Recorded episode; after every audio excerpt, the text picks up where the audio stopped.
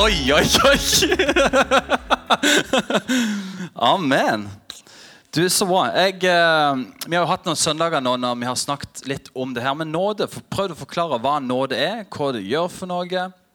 Og litt sånt. Og egentlig så kunne vi brukt mange mange, mange søndager og, og skrevet bøker om det. For, og det har gjort også. For nåde er et veldig eh, enkelt, men også veldig komplisert og veldig omfattende opplegg. Eh, hvis du bare skriver 'Hva er nåde?' eller 'What is grace' på, eh, på Google, så, så, har du noen dager arbeid foran deg. Eh, det er mye. Så det er jo ikke så lett å, å sammenfatte alt bare på noen få søndager, men så peker den allikevel på noen sannheter som en opplever Gud på en måte minner noe på. Da. Og det jeg har lyst til å på en måte avslutte på en måte litt den her, Kall det nådeserien for da, før Rasmus skal starte med noe nytt neste søndag. Eh, det er rett og slett Guds perfekte nåde. Og Det tenker jeg er utrolig viktig å ha med seg som et perspektiv i vår vandring med Jesus. For Vi har så utrolig lett for å komme inn i dette med at ja, hvis jeg bare tror nok, eller hvis jeg bare er god nok, eller hvis jeg bare ber nok, eller hvis jeg bare lovsynger nok, eller hvis jeg bare gir nok, hvis jeg bare gjør, hvis jeg bare gjør. Og hva er problemet med det fokuset? Hvis jeg ramser opp de her tingene Dette klarer jeg ikke. Eller hvis jeg bare tror nok. Hvis jeg bare gjør nok. Biter tennene sammen og bare har nok tro. Det er noen som hø hø hører litt problemet med de uttalelsene. Hva, hva, er, hva er fellesnevneren som er problematisk i den tankegangen, som vi alle har, regner jeg med? Kom an. Gjerning, ja, gjerninger. Er sånn er jo er jo egentlig frukt. Sånn sett, Det skal jo være frukt, så gjerninger kan jo være gode. Men hva er problemet med de, den tankegangen, da? Ja, det handler om meg. Hvis bare jeg gjør nok, hvis, jeg, hvis bare jeg tror hvis, hvis, jeg bare begynner å gjøre et eller annet Hvis jeg Men hele evangeliet handler jo om at Guds nåde har gjort alt. Det er 100% ferdig. Gud har gjort absolutt alt og bare dekka bord for noe et måltid som vi kan uansett hva vi måtte ha med oss opp til dette bordet, uansett på hvilken måte vi går til dette bordet Om du ikke klarer å gå engang, du nærmest bare metaforisk sett kryper til dette bordet, så er det ferdig. Og det handler ikke om deg, men det handler om hva Gud har gjort. Og Det er et fantastisk perspektiv, og det er et utrolig viktig perspektiv å ha med seg i vår vandring med Jesus. For ja, det er, det er, bra å tro. Jesus han berømmer tro til mennesker når han møter på mennesker. Oi, du har stor tro. Kjempebra. Det er bra å, å være rause og gi. Det er bra å, å, komme på gudstjeneste. Det er bra å være med og tjene. Alle disse tingene er bra. Men det er ikke så bra hvis det handler om at du må gjøre det for å være god nok. Så alt bare koker ned til at men det handler ikke om de tingene. Det handler om hva Gud har gjort for meg og for deg. Og det er litt vanskelig å få inn i huet. Noen som sliter med det av og til. Ja, En faller stadig tilbake til at å, hva, hvis, jeg bare, hvis jeg bare tar meg sammen og hvis jeg bare Nå må jeg virkelig bare ha tro, liksom. Og bare tror så masse at nå, nå, nå skal Gud belønne meg. Det er lett å komme i den tankegangen. Jeg har lyst til bare, Før jeg starter, så har jeg lyst til å bare vise et bilde som jeg tror vi får opp her nå. Jeg synes Det er et nydelig bilde på Guds nåde. For de som ikke ser det, for som eventuelt hører på podkast senere, så er det da et bilde av et tre som antageligvis har blitt Det ser ut som det har blitt nesten revet opp med røttene. Om det er vind eller hva det er for noe. Det, har blitt, det ligger iallfall flatt på et jorde. Men så virker det som at det allikevel er ei rot eller et eller annet som bare har klart å komme seg ned i jorda. Og så spirer det av full blomst der det ligger. Fascinerende. Og jeg synes det er bare et For meg ble det et bilde på Guds nåde. Da. For uansett hvordan livet har vært, uansett hva slags bagasje en har, uansett hvor, hvor mye du har blitt revet opp med røttene gjennom livet, uansett hva som har skjedd, Uansett om du ligger paddeflat, så er det ikke over ut. Hvis du bare tar og dypper inn i Jesus, så kan han få de mektigste ting til å skje. Det treet der Jeg vet ikke hvilket tre det er, men der vokser mango eller et eller annet. et eller annet. Ja, det, det, er veldig, veldig tøy. Det kan egentlig bare stå oppi det bildet der, så kan det minne deg på noen sannheter mens jeg prøver å dele noe fornuftig her. Vi skal lese fra Markus' evangelium, kapittel 9. Gjerne slå opp i din bibel på telefonen eller der du har, eller skriv det ned. Eller hvis du har med deg en fysisk bibel, så, så slå opp. I kapittel 10, Markus 9, unnskyld, eh, vers 14 skal vi lese fra. Og eh, Konteksten her er at, at, Jesus har begynt å gjøre mirakler. Han møter mennesker, han forandrer liv. Eh, og, eh, og, han kom her i møte med eh, en far til en gutt som er syk. Skal jeg lese. Og Da han kom til disiplene, så han en stor folkemengde rundt dem og noen skriftlærde som diskuterte med dem. Men det samme de så ham, ble hele folket meget forundret, og de løp mot ham og hilste ham, altså Jesus. Og han spurte de skriftlærde, 'Hva er det dere diskuterer med dem?' Da svarte en i flokken og sa, 'Mester, jeg tok med min sønn til deg.' Uh, han har en stum ånd. Og hvor som helst den griper tak i ham og kaster den ham ned. Han fråder om munnen, skjærer tennene og blir helt stiv. Derfor spurte jeg disiplene dine om de kunne drive den ut, altså ånden, men de klarte det ikke. Han svarte dem og sa, 'Du vantro slekt, hvor lenge skal jeg være hos dere?' Så, Jesus det var ikke bare sånn han, søt og god. Tenk, du, som, du, prøver, du står virkelig på, og så får du bare den i fleisen. Å, himla. Hvor lenge skal jeg holde ut med dere? Noen som har sånne folk i livet sitt? Å, hvor lenge skal jeg holde ut med deg? Kan du ikke lære?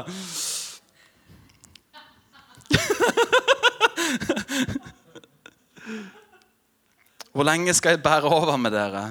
Før han da til meg, sier han, Jesus. Da førte de gutten til ham. Da ånden så ham, så red den straks i ham. Og Han falt til jorden og velte seg. Han frådet om munnen. Så spurte Jesus hans far hvor lenge har han hatt det slik. Og han sa fra barndommen. Og ofte har den kastet ham både i ild og i vann for å ødelegge han. Men hvis du makter å gjøre noe, så har barmhjertighet med oss og hjelpe oss. Så sier Jesus til han, hvis du kan tro at alt er mulig for den som tror. Og så kommer gullet, som jeg kan klamre meg til, og som du skal klamre deg til. Barnets far satte straks i ropet og sa med tårer, Herre, jeg tror. Hjelp min vantro. Altså mannen roper, jeg tror. Men det er ganske mye her inne som har tvil. Der må du hjelpe meg. For hva er det Jesus sier? Har du tro som et lite sennepsfrø, så kan det flytte fjell. Så Gud er ikke ute etter stor tro og masse åndelige muskler. Han er ute etter er det et snev av lite tro i deg, så skal du se hva jeg kan gjøre for noe i ditt liv. Og det er håp for hver enkelt troende. For da handler det ikke om meg og deg. All form for forventning, all form for uh, at du bærer familien din, all form for at hvis ikke jeg står på nå, så rakner alt, alt som ligger på dine skuldre, kan bare falle ned. For det er Guds nåde som skal gjøre det.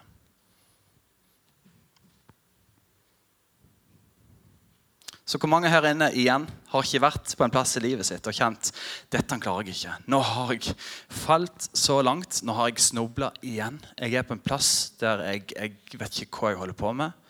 Det er ikke håp. Det er sykdom som det er relasjoner som er vanskelige, whatever. Det kan være, Vi sliter med alt mulig. Igjen så handler det om meg og mitt og mine. Men Jesus sa, sier, 'Kom til meg' og gi meg det du har av bitte grann tro, så skal han gjøre det. Og det syns jeg er så deilig. Som pappa, som en kollega på jobb, som pastor, så er det utrolig godt å minne seg på den sannheten at det handler, det handler ikke om meg. Jeg er ikke noe annerledes enn deg. Jeg har sagt ja til Jesus. Jeg har kommet fram med de to fiskene og fem brødene. Det er ikke veldig mye, men Gud, han gjør det.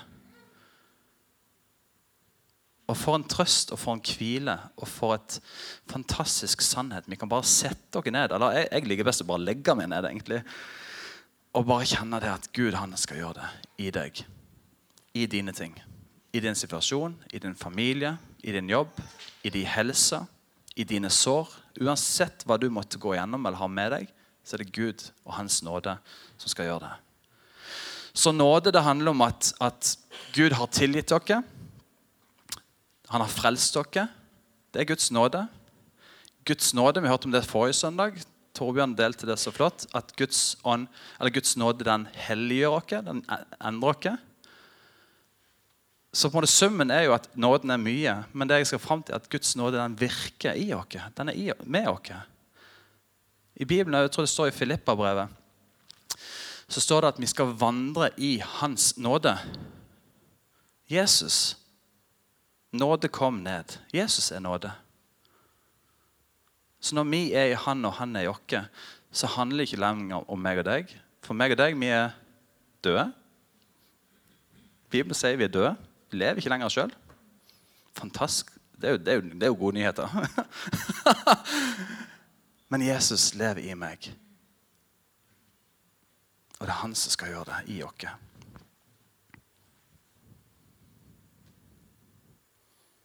Så det fantastiske budskapet om Jesus, det å følge han, det er at det handler ikke om meg og deg, men det handler om Jesus. Det er nåde. Og så har vi lett, spesielt kanskje i kirke, for vi ønsker jo å gjøre ting. Vi ønsker å utføre ting. Vi ønsker å gå ut med de gode nyhetene. Vi ønsker å skape forandring. Vi ønsker at mennesker skal vokse. Så formidler vi at bli med å gi. Bli med å tjene. Bli med å, å koble deg på. Vær med ta ansvar. Vi må, av, vi må, avstå fra det. Vi burde gjøre det. Alt, alt det er godt. Men hvis vi hører eller ser de tingene gjennom et filter at nå må jeg ta meg sammen. Nå må jeg begynne å gjøre. Jeg, meg, meg, meg, meg. Så blir det fort et kav. Du er i fokus. Og det blir et strev. Og det handler til slutt om mennesket. Men hvis vi gjør det som Jesus har sagt, at hvis vi elsker Han, så skal vi holde Hans bud, står det. For det handler om at vi, vi har fått noe bud. Vi skal elske Gud av hele vårt hjerte, all vår forstand. ikke sant? Og vi skal elske hverandre som oss sjøl. Det er bud. Og det oppfyller hele loven. Vi skal legge ned deres liv, vi skal leve for hverandre, vi skal tjene med alt, Vi skal gjøre de tingene, men det er ikke det vi skal først og fremst gjøre. Vi skal elske Jesus. Og så vil frukten være at livet blir forandra. Og her har du og meg først og fremst et ansvar når vi hører det blir sagt. Vær med å gi så må en høre det ut må ikke høre det ut ifra at du må være med å gi. Men det er en mulighet vi kan koble dere på i noe som Gud allerede gjør ved Hans nåde. Forsto dere det? Jeg prøvde å tenke ut et bilde her når jeg var hjemme. Jeg vet ikke om det funker. så vi får prøve. Så får vi se hva det er, eller må bare prøve. Med Guds nåde må dere bare glemme det hvis det ikke funker. Men på en måte så jeg, for jeg lå hjemme på sofaen og tenkte jeg må ha et bilde. Jeg liker å bruke bilder når jeg snakker en illustrasjon på en eller annen måte. Og så er det litt sånn halvveis. For dere får se hvordan det går. Men det jeg tenkte, det var det at eh, det her med tro, eller det å være med og gjøre ting for Gud, liksom, og sånt, det handler ikke om meg. Det handler om Gud. Hva han allerede gjør, og hva han gjør. Det handler om hans kraft, det handler om hans gjerning, det handler om hans nåde. Så jeg tenkte på det når jeg lå på sofaen, at hvis jeg går bort og skrur på det lyset, trykker på den bryteren hjemme så er det jo jeg som skrur på lyset. Og Det kan ofte være vår mentalitet og tanke og utgangspunkt i vårt kristenliv. At hvis jeg gjør det, så er det jeg som gjør det. Men egentlig så er det jo ikke jeg som skrur på lyset. på en måte. Det er nå bildet begynner å bli litt sånn. For der er allerede ei lampe i taket, der er allerede en koblinger, der er allerede en kraft og en kilde som er, er der. Så det jeg gjør, er at jeg egentlig bare kobler meg på og, og på iverksetter eller er med å gjøre det som allerede er der. Var det et greit bilde? Ja, på noe av det. Bruk det som det. Men, men på den måten tenker som kristne, som en etterfølger av Jesus, så kan vi fort komme inn i at, at det er vi som skal gjøre alt mulig. At, det, at vi må skru på de her tingene. At det er vi som gjør at dette lyset begynner å lyse. Men du, du har en forferdelig liten rolle i dette, for å være helt ærlig. Det er jo Guds kraft som allerede Det er jo strømmen som er lagt inn i huset. Det er koblingene, alt som er på plass. Lyset og dimmer og alt mulig. Det er jo det som er der. Gud har allerede gjort det klart for oss. Så vi, egentlig så bare går vi og kobler dere på det som allerede, allerede er der. da. Og litt på den måten, da. Et litt dårlig bilde, kanskje. Men på den måten så, så tenker vi at Guds nåde fungerer i mitt og ditt liv òg at ja, ja, vi skal jo gjøre litt ting. Vi skal ikke bare sitte hjemme og tenke at det er Guds nåde alt sammen. Eh, det trenger vi kanskje av og til. altså. Men, men, men det handler mye mer om at vi kobler på det Gud allerede gjør. Det han allerede har gjort. Og lever i den kraften og den strømmen av nåde for meg og deg. Ja, Dere får ta det som det. Men igjen, det fantastiske budskapet handler ikke om, om hva jeg kan gjøre, eller hva jeg har gjort av positive og negative ting. Det handler om Jesus så er det noen fantastiske personligheter i Bibelen som jeg har lyst til å bare illustrere, som tror angår oss alle på ulik måte. Og Du har den første kvinnen, damene først, Sara, i Bibelen. For de som kjenner til historien, så ble Sara introdusert for tanken om at hun skulle føde en sønn i høy alder. Og Da snakker vi ikke bare 40-årene, liksom, sånn en Oslo-student som aldri er ferdig med å studere nå skal bli gravid. liksom første gang. Sånn, det kan gå greit, liksom. Nei, vi snakker 80-90 år. Ting er ferdig. altså Det er dødt. Det er ikke noe tvil. Og da får Abraham og Sara beskjed om at her skal, her skal vi være med eh, og bære fram en sønn som skal bli til velsignelse for hele verden. Og slekta skal bli som stjernene på himmelen. Saras unnskyldning, kanskje ikke bare unnskyldning, men Saras bortforklaring, eller litt sånn dette går jo ikke. Det var jo at hun er for gammel. Men det fins ikke pensjonister i Guds rike. Det gjør ikke det. Jeg vet ikke om dere har lest i Dagen eller slash Korset seier, men Jostein Krogdal skrev fantastisk flott om, eh, om besteforeldrenes rolle i kirka. Hvor viktig den er. Og jeg har sagt det før her, Vi har en gjennomsnittsalder i vår medlemsmasse på 31 år. og Det er jo fint det for framtida, men, men, det er jo et svakhetstegn når det kommer til hvor er besteforeldrene våre og oldeforeldrene våre. Ja, de, de må, vi, må, vi, få tilbake igjen. De må vi få inn igjen. Og ok, tida går, dere blir gamlere, så det går greit. men, men besteforeldrene, altså den den gamle i huset. Wow, Der er det visdom, der er det tid, der er det erfaring. Der er det uh, antageligvis litt mer nåde. Fordi at en har smakt på livet og kjent at det er ikke så enkelt. Wow. Så ikke gå rundt og tenk at ah, jeg er for gammel. Maria, da, på andre sida av skalaen, mor til Jesus, hun er for ung. hun har jo så vidt kommet inn i tenårene, så får hun besøk av Gud, og du skal bli med barn. Og bare, eh, eh, det skal jeg ikke. Jo, jo, det har sikkert allerede skjedd, liksom. og det var jo skandale. Hun var jo i ferd med å gifte seg med en mann, Josef. Og de var forlova, eller trolova, som det brukes. Og det er på en måte, da er du egentlig gift, men seremonien har ikke vært der ennå. Og det er jo, det det hadde vært skandale i dag, altså, men det er jo skandale iallfall på den tida. Og Josef, så god som han er, tenker at han skal bare være en, en god mann og bare vi går stille for, fra hverandre, herrene, men får beskjed av, av, en engel om at nei, nei, nei, det er, det er Gud som har gjort dette. ikke sant? Eh, men Maria kunne fort tenkt at jeg, det, ting er ikke Det er ikke timinga. jeg har ikke tid til dette nå. Eh, det passer svært dårlig.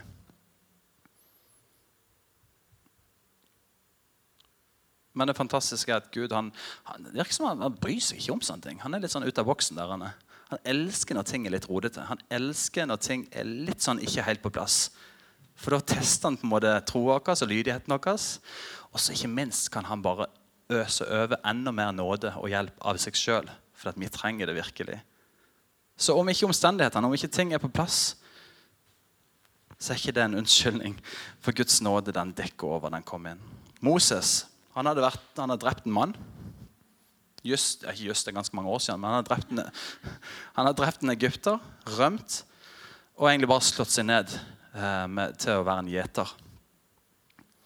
Og så kommer Gud og bare åpenbarer sin vilje og kaller hans liv. Og Moses, jeg tipper Moses går gjennom, liksom. ikke sant? Hvem er vel jeg? Og til slutt så skylder han på at ja, men jeg kan ikke snakke skikkelig. ikke sant? Han ikke engang problemer med å snakke. Om han stammer eller Kanskje han var superbeskjeden. Jeg vet ikke. Det passer seg iallfall ikke i hans øyne at han skulle gå foran inn til fara og si 'Let my people go'.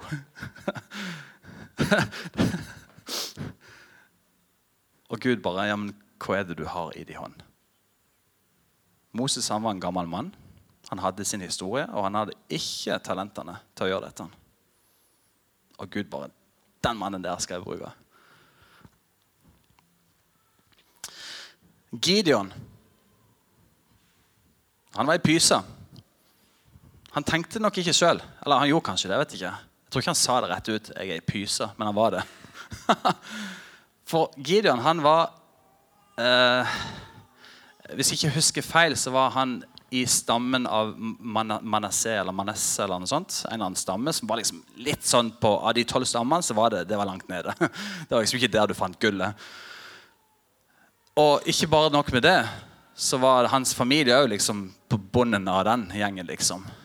Og Gideon var nok på bunnen. Altså Han var liksom Du kom ikke lenger ned. det var ikke så mye å hente hos Gideon.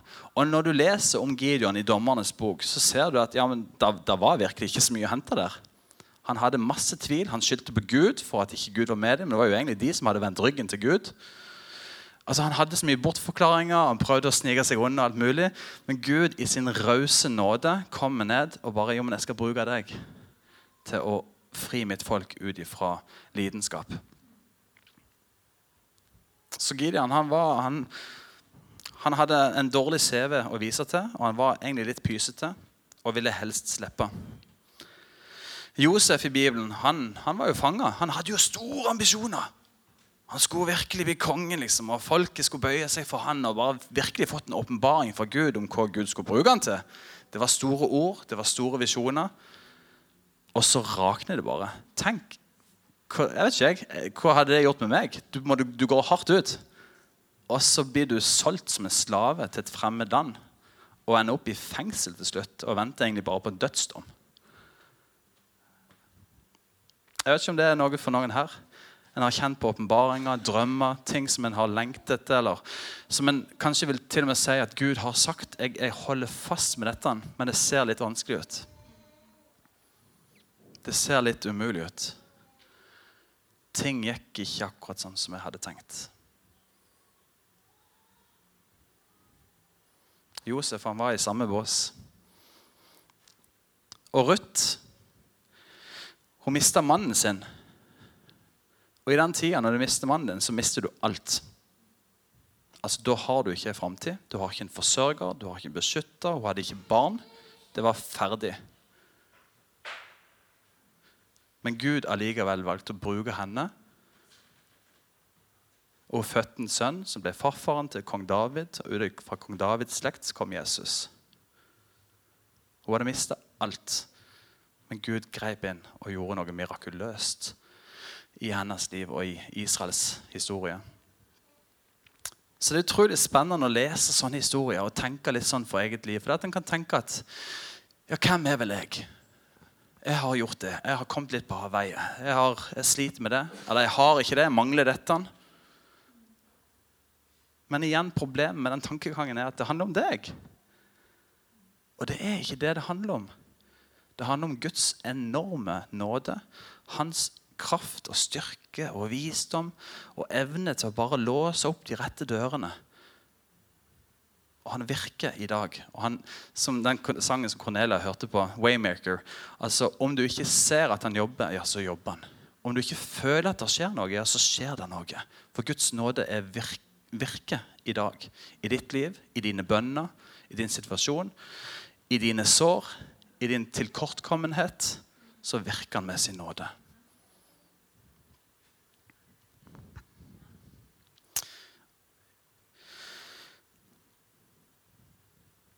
Så jeg sa at evne eller tittelen må det være perfekt tro. Jeg har bare lyst til å male det for dine øyne at det handler ikke om hvor mye du tror, men det handler om at Gud er stor. Det handler ikke om at du skal ha en perfekt tro, men det handler om at Gud har en perfekt nåde. Det handler ikke om hvor mye du tror, men det handler om Guds store nåde. Sant? Det handler ikke om hvor stor troa di er, men det handler om hans store nåde. Det handler ikke om meg og deg, men det handler om Gud. Og det er en fantastisk plass å bare kunne sette seg ned og kjenne at det er Gud som virker i meg og i deg. Der kan vi hvile, der kan vi slappe av. Der kan vi takke og minne oss på at fantastiske er at det er jo da Guds ansvar. Det, det, det, det er han som skal ha eh, kontrollen. Det er han som har ansvaret. Det hviler ikke på deg. Du kan puste ut og si, 'Jesus, jeg ønsker bare å koble meg på deg og den du gjør.' 'Jeg ønsker bare å trykke på den bryteren og la din kraft eh, fungere.' Inn i ditt liv, inn i dine sår, inn i dine mangler, inn i din situasjon som ser låst og vanskelig ut og invitere Guds nåde inn. Det er fantastisk.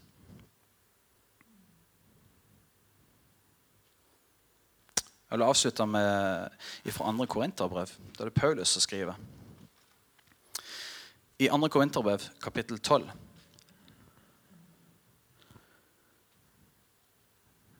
Vers 9 skal jeg lese. Og Paulus han er jo en av de store. Han er jo virkelig Eller for å si det sånn, da. Han, vi ser jo på en måte I en litt sånn historisk kontekst så leser vi om hans, hans uh, virke, hans historie, hva han skrev. Han visste nok ikke sjøl at, at, det skulle bli så stort. for å si det sånn. Men det som er litt fascinerende, det, det her er viktig, for Paulus skriver litt om noe som kalles for superapostler. Noen som har hørt om det? Kanskje ikke lagt merke til det? Men Paulus han irriterte seg grenseløs over noen apostler, altså mennesker som virka i tjeneste på Jesus, som var mye flinkere. De var bedre å tale. De hadde mer fans. Planta sikkert flere kirker. De var mye bedre enn han. Sånn menneskesett. Og på en måte, Du merker når han skriver, at han, han irriterer seg litt over dette. For det virker som de menneskene som han møter, er litt opptatt av dette. Hva de har sagt, ja, hva de gjorde. ikke sant? Wow. Og jeg tenker bare jeg, jeg, tviler på og Når du leser hvordan Paulus introduserer seg i, i, i, um, i brevene etter hvert, i kronologisk rekkefølge, så går han ut i begynnelsen og bare Ja, Paulus, eh, Jesu Kristi apostel, ikke sant, utsendt fra Gud. Bare, han, han går høyt ut. Det er, det er store ord. Han er virkelig sendt av Gud. Men mot slutten så er han så liten i seg sjøl. Han er den verste av de verste. på en måte. Han har, han har, funnet ut at han er ingenting. Det er bare Jesus som er alt. Han har kommet inn i en posisjon som Gud virkelig vil ha han. For det, der er ikke mer Paulus igjen. Det er bare Jesus. Han ser at Paulus det er ingenting. Jeg kan ingenting. Jeg får det ikke til. Jeg har mangler. Jeg har ikke rette talentene. Jeg har ingenting. Det er bare Jesus. Og det er der Gud vil ha oss. Hvorfor? For det handler ikke om meg og deg. Da strever vi ikke lenger om at vi må, vi må, vi skal. Mer tro. Nei. Mindre Kristoffer. Mer Jesus. Og Der er Paulus til slutten av sitt fengsel og egentlig bare venter på at han skal dø. Og bare må det skrive et resumé av livet sitt. At jeg vil, ikke, jeg vil ikke kjenne noe annet av andre ting. Jeg vil bare ha Jesus. Bare gi meg Jesus. Der har han kommet. Så Det å følge Jesus det er en litt sånn selvdestruktiv vandring på en god måte. Det er ikke snakk om å miste oss sjøl, at vi skal bare bli noen roboter. Og ikke sånn i hele tatt, men det handler om at det handler om å rett og slett komme inn i det som Gud har for oss. At Kristoffer lever ikke lenger, det er Jesus som lever. Og det å leve i den vissheten, i den tankegangen, i den realiteten, er en fantastisk hvile. Og det er der Guds kraft hans nåde virkelig flyter og fungerer best. For da er det mindre Kristoffer som står i veien, og det er mer av Jesus i meg. Men Paulus han skriver da Og vi vet ikke helt hvorfor han skriver dette. For jeg begynner for vers 7. egentlig.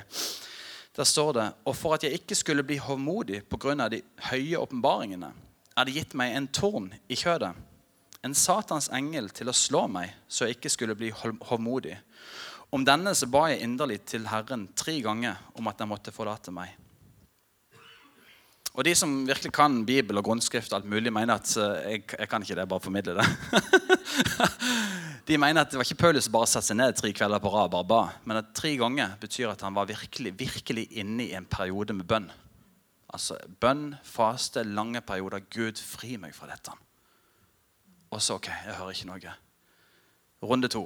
Gud, fri meg fra dette. Hjelp meg. Hørte ikke noe. Tre ganger. Lang periode. Bønn, faste. Gud, fri meg fra dette. Og så kommer svaret. Så kommer svaret. Ikke helbredelsen, ikke gjennombruddet, ikke friheten. Ikke, vi vet ikke hva det handler om. Men det kom ikke sånn som han ønsket. Men det som kom, var dette i vers 9. Men han sa til meg, altså Jesus sa til meg, 'Min nåde er nok for deg.' For min kraft blir fullendt i svakhet. Og det er litt sånn anti den herren at alle skal bli helbreda. Alle skal få gjennombruddet. Alle, alle, det, litt, det, strider litt mot den tankegangen at det er bare åpen himmel, alt skjer. For Paulus er vitne om at Gud sa nei. Men jeg har noe bedre for deg. Min nåde. Skal vi slutte å be for syke? Nei.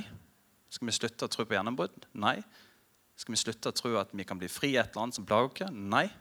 Bibelen er tydelig på at vi skal løfte det opp. Vi skal ha tro, vi skal stå på, vi skal be for hverandre. Vi skal komme fram for Han. Men Bibelen peker også på at det er noe som kanskje er enda bedre enn det bønnesvaret som vi vil ha. og det er Guds nåde og Guds kjærlighet. Og Paulus sitter her og takker for det. Han takker for at hans Guds nåde den har kommet til unnsetning. Og han har smakt på noe som er bedre nemlig Jesus sjøl. Ta det med deg i hverdagen du vandrer i. I vandringen i barneoppdragelse, i vandringen på jobb, hjemme, i ekteskapet ditt, der du er. Gjennom tykt og tynt, gjennom sykdom og lidelse, gjennom dødsskyggedaler og gjennom gjennombrudd. Alt som er. At det handler ikke om deg. Men det handler om at Jesus skal bli stor i oss. Det handler om han. Det er han som har gjort det, det er han som har begynt, og det er han som skal avslutte. Jesus, jeg takker deg for din fantastiske nåde. Jeg takker deg for din fantastiske kjærlighet. Og Gud, jeg bare takker deg, Herre, for at gjennom alt der vi ennå ikke har sett bønnesvarene, der vi ennå ikke har sett gjennombruddene, så ønsker vi Herre, bare at vi skal få lov til å smake og kjenne på at din nåde den er nok for oss. At den bærer oss. At den løfter oss opp. Og hjelper oss, Gud, til å være ærlige med livet. At vi ikke går rundt og skjuler disse tingene for andre, men at vi kan snakke sant om at sånn er det og kjenne at vi kan stå sammen i et nådefellesskap. Der vi bærer hverandres byrder, der vi oppmuntrer hverandre, der vi ber for og med hverandre. Der vi gir av et raust hjerte for å oppmuntre og elske og tjene hverandre Jesus. Himmelske Far, jeg takker deg for at det handler ikke om hvor mye tro vi har, men det handler om om vi er villige til å gi alt den vantroa vi har, til deg, for at du kan begynne å virke i oss, Jesus. Så hjelp oss, Herre, til å legge alt framfor deg. Vi ønsker å legge hele vårt liv framfor alteret.